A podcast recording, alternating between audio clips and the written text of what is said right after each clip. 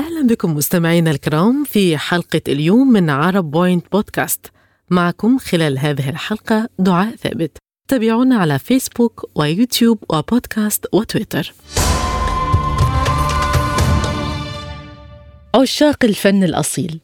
قد إيه بيستمتعوا لما بيسمعوا صوت كوكب الشرق أم كلثوم.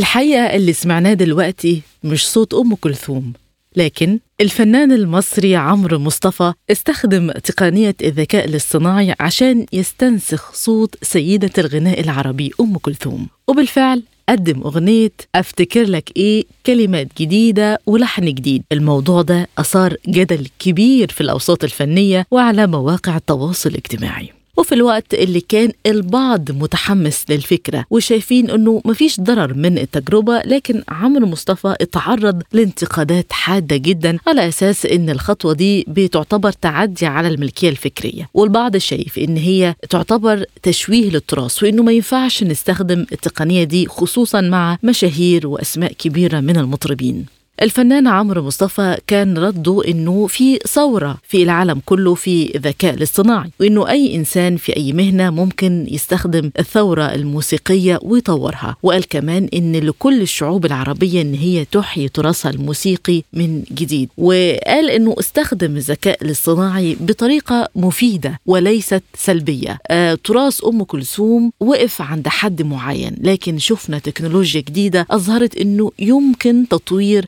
التراث ده من خلال ملحنين موجودين بالفعل. كمان أكد على أنه ذكر أن الصوت ليس صوت أم كلثوم الحقيقي. حبيبي.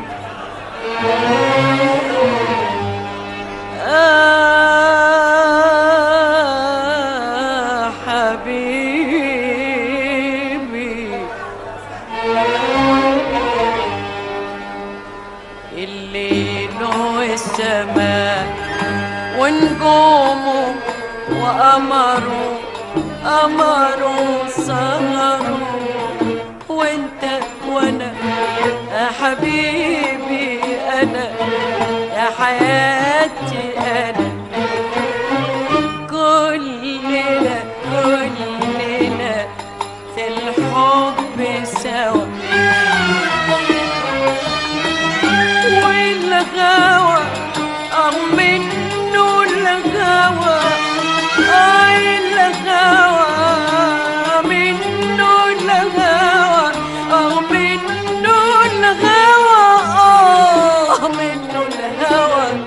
طبعا الصوت اللي إحنا سمعناه هو صوت أم كلثوم الحقيقي. الله عليك يا ست. في مجال الفن الموضوع ما وقفش عند الحد ده. إحنا تابعنا استخدام تطبيقات الرسم التخيلي في صنع لوحة من خيال الكلمات. ومؤخرا شهدنا تطور التكنولوجيا في مجال الذكاء الاصطناعي يفوق التوقعات وظهرت ثلاث أنظمة للذكاء الاصطناعي المولد للصور فائقة القدرة. ومع التطور في أي مجال خاص بالذكاء الاصطناعي سواء في الطب في الهندسة في التصميم المعماري. زي ما ذكرنا في مجال الفن بيظهر قلق الإنسان من التطور اللي صنعه بنفسه. حقيقة اتكلمنا مع الكاتب والسيناريست العراقي حامد الملكي اللي بيحضر حاليا العمل مسرحي عن الذكاء الاصطناعي. بيتناول قصة حب بين اتنين روبوت. يا ترى آه، إيه رأيه عن استخدام الذكاء الاصطناعي في الفن وإحياء صوت أم كلثوم من جديد؟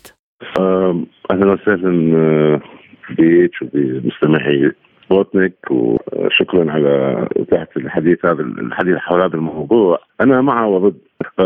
والذكاء الصناعي مثله مثل كل شيء بالحياة مفيد ومضر حتى الدواء أحيانا يكون مضر. التوقعات مفتوحة في هذا المجال. لا ندري ماذا سيقدم لنا المستقبل. أنا شخصيا جربته في الكتابة كتب لي قصة قصيرة أعطاني فكرة فيلم جيدة الفكرة نوعا ما. لكن بالتالي هو سرقها من فكرة فيلم أخ أخرى موجودة في عالم الإنترنت. يعني ولم يبتكر بل سرق. مستقبل الآن أنا عندي عمل مسرحي تقدمه الوطنية لل- للمسرح المسرح العراقي عن الذكاء الصناعي. يعني قصة حب بين اثنين روبوتات. ال ال ال الخوف من الروبوت أكثر من الخوف من الذكاء الاصطناعي وحده. يعني أن يتفوق الروبوت على الإنسان مستقبلا ويحدث كما يحدث في الأفلام ال science fiction اللي شفناها في حياتنا وكنا نضحك عليها. آه، لكن بنفس الوقت مفيد جدا في مسائل العلم. يعني أنا قرأت آه، مقال عن إمكانية هذا الذكاء بحل بحل معادلات رياضية عجز العقل البشري عن حلها مثلا مثلا.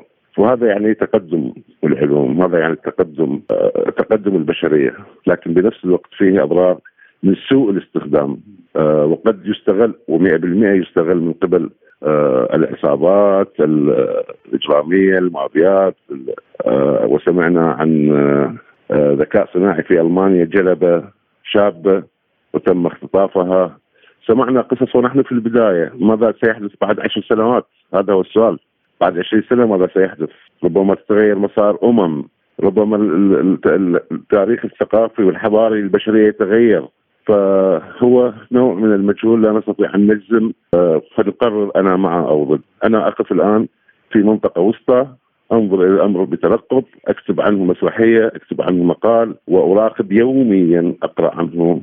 ماذا كتب العالم آه، عن هذا المستوى الفكري الثقافي الصناعي الذي وصل له العقل البشري. زي ما هو معروف التهديد اللي بيمثله الذكاء الاصطناعي لكتير من المهن بس يا ترى هل ممكن يكون الذكاء الاصطناعي كاتب سيناريو؟ هو التهديد لكل المهن أنا حضرتك يعني راح اكون آه، أول وحدة تعرفين موضوع مسرحيتي إنه هيك black comedy العالم كله العواصم كلها محروقة. نيويورك طوكيو لندن لأنه ما في ما في عمل. يعني ما في آه، فرصة للأيادي العاملة حتى تشتغل فتحترق الأرض. واثنين روبوتات بيعيشوا قصة حب سعيدة. يعني black comedy.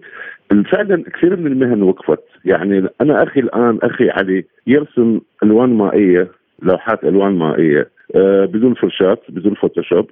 مجرد يصف لبرنامج الذكاء الصناعي يصف المشهد الذي يراه أو الذي يريده ينفذ له فورا بالألوان المائية وبدقة 100% وينشر آه، الصور في الفيسبوك دون أن يقبل هذا الشيء والتعليقات واو عشت إيدك ما أحلاك؟ فالتفت حاجة الدراسة للفن الرسمي مثلا راح تنتفي الحاجة إلى آه، دراسة كثير من المهن آه، من العلوم لأن الذكاء الاصطناعي بيحلها مجانا. نعم هذا هو الخوف أن يحل الذكاء محل الاصطناعي محل الذكاء الرباني خلينا نسميه الذكاء الإنساني. وهذه كارثة لا ندري أين ستودي بنا حقيقة. آه، ويجب الحذر منها ولكن ماذا نفعل؟ بالنتيجة هي شركات آه، تريد تربح. وحتى لو صدر قرار أممي أممي بإيقاف هذه الشركات ستعمل شركات أخرى تحت الأرض.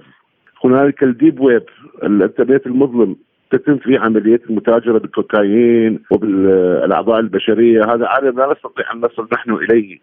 تصل إليه عصابات التهكير وعصابات والمافيات والمتاجرة بالأعضاء البشرية وبيع المخدرات والكوكايين وغيرها هنالك الأرض يعني الأرض لم تعد كما كانت قبل عشر سنوات. ما أقول قبل خمسين سنة. عشر سنوات تغيرت الأرض تغيير عنيف.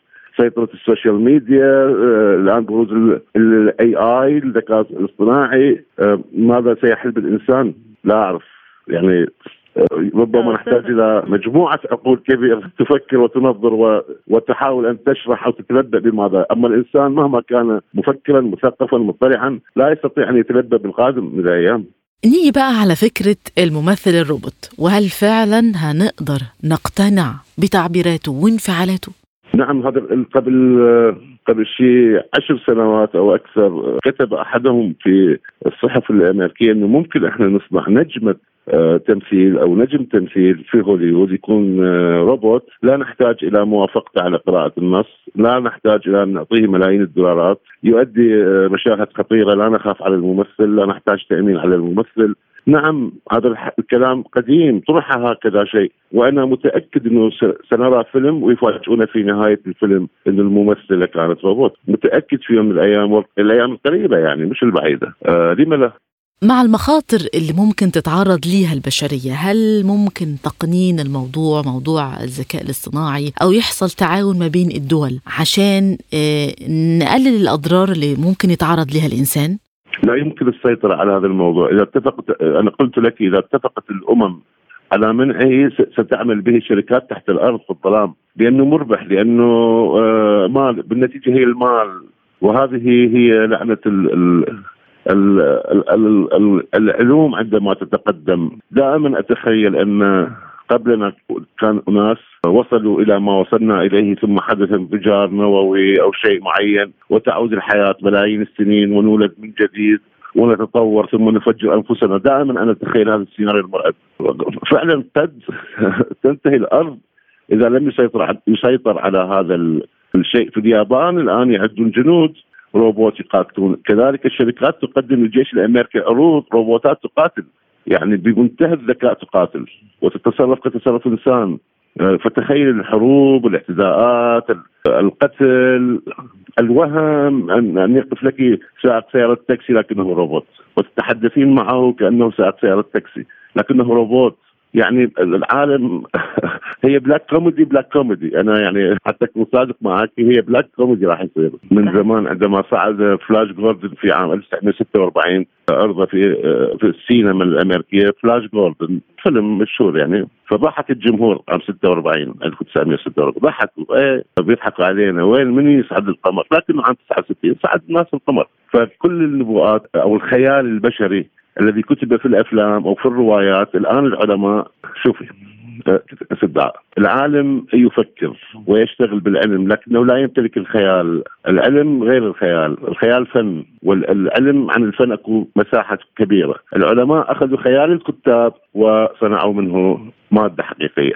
إحنا شفنا في الأفلام روبوتات قبل سنين قبل قبل أكثر من 80 سنة. في حتى في السينما الصامته أكو فيلم عن الروبوت. الآن عمل الروبوت من خلال خيال السينما. نعم هذه عظمة الفنون. هذه عظمة الخيال. لكنه العظمه الأكبر إنه العلماء يأتون لهذا الخيال ويجسدونه على الواقع بالمناسبة. كل ما يكون هناك ذكاء اصطناعي قوي لازم راح يكون له ند. يعني تجي شركات تعمل له يعني زي الانتي فايروس طيب ممكن يكون انتي اي اي شركات تعمل على وقوف الذكاء الاصطناعي أو فضح الذكاء الاصطناعي. هذا هو الحل. يعني ما دام أكو فيروسات الناس الشركات عملت انتي فيروس ما دام اكو ذكاء اصطناعي سيء لازم تجي شركات تعمل انتي اي اي هذا هو حل ربما ينقذنا. الآن كتاب السيناريو في أمريكا خرجوا يعني بمظاهرات وبمطالب حول من يكتب النص السيناريو عن الذكاء عن طريق الذكاء الاصطناعي، كيف يتم التعامل معه؟ فاتفقوا أو قدموا مقترحات من ضمنها أن يعطى الأجر نفسه الذي يعطى لكاتب السيناريو الذي الحقيقي التقليدي المش الصناعي يعني يعطى نفس الأجر لكنه لا يمكن أن يعتبر عمله عملا ابداعيا. فقط ارادوا هذا كتاب السيناريو الطبيعيين المش صناعيين. آه، ظهر ظهرت حركات في كتاب أمريكا والموضوع منشور بالانترنت يعني في الصحف العالمية والمواقع الإخبارية. نعم سيأتي شخص يكتب السيناريو بكبسه زر آه، أنا كتب لي مسرحية. يعني جيد انه يعني عاده غبية تكتب هذا شيء جيد لكن كإبداع no. zero أبداع. آه بيكتب رسائل دكتوراه بيكتب ماجستير بيكتب أنا كنت سالت آه سألت ال GPT chat عن موضوع لسه الآن يعني يوميا أنا أسأله. طلبت منه الموضوع مع المصادر. ذكر المصادر باللغة الإنجليزية والموضوع كتبه باللغة العربية. يعني آه ربما آه، نعود إلى الوراء نسكن في الكهوف نعيش على الصيد. لا أدري. نعود إلى الوراء. أو نتقدم إلى الأمام أو نفنى ندمر في مشهد ونحن نضحك ربما.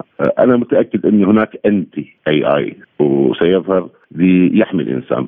وهو أيضا شركة رابحة يعني مش راح يحمي الإنسان لوجه الله. أيضا لازم تشترين انت اي اي تخليه في بيتك حتى تتأكدي الضيف القادم لك روبوت ولا لا الطعام القادم لك لأنه أنت عندك انت AI في المطبخ مثلا. متأكد هكذا سيكون. مشكلة استخدام صوت الفنانين المطربين عن طريق الذكاء الاصطناعي. مش عندنا بس المشكلة دي عالمية. وبالفعل أنشئت أعمال مزيفة لفنانين زي إمينيم ودرايك وذي ويكند باستخدام الذكاء الاصطناعي. المغني البريطاني ستينج توقع أنه الفنانين هيدخلوا في معركة عشان يدافعوا عن أعمالهم في مواجهة الذكاء الاصطناعي في الصناعة الموسيقية. ستينج قال إنه الأدوات مفيدة لكنه شايف إن على البشر التحكم بها لأنه لا يمكن السماح للآلات بالسيطرة وينبغي توخي الحذر. أعزائي المشاهدين أهلا بكم في أول نشرة إخبارية ناطقة باللغة العربية. يقدمها الإنسان اللآلي بتقنية الذكاء الاصطناعي. معكم سالي أنا مذيعة آلية تمت برمجتي لأقدم لكم نشرة الأخبار.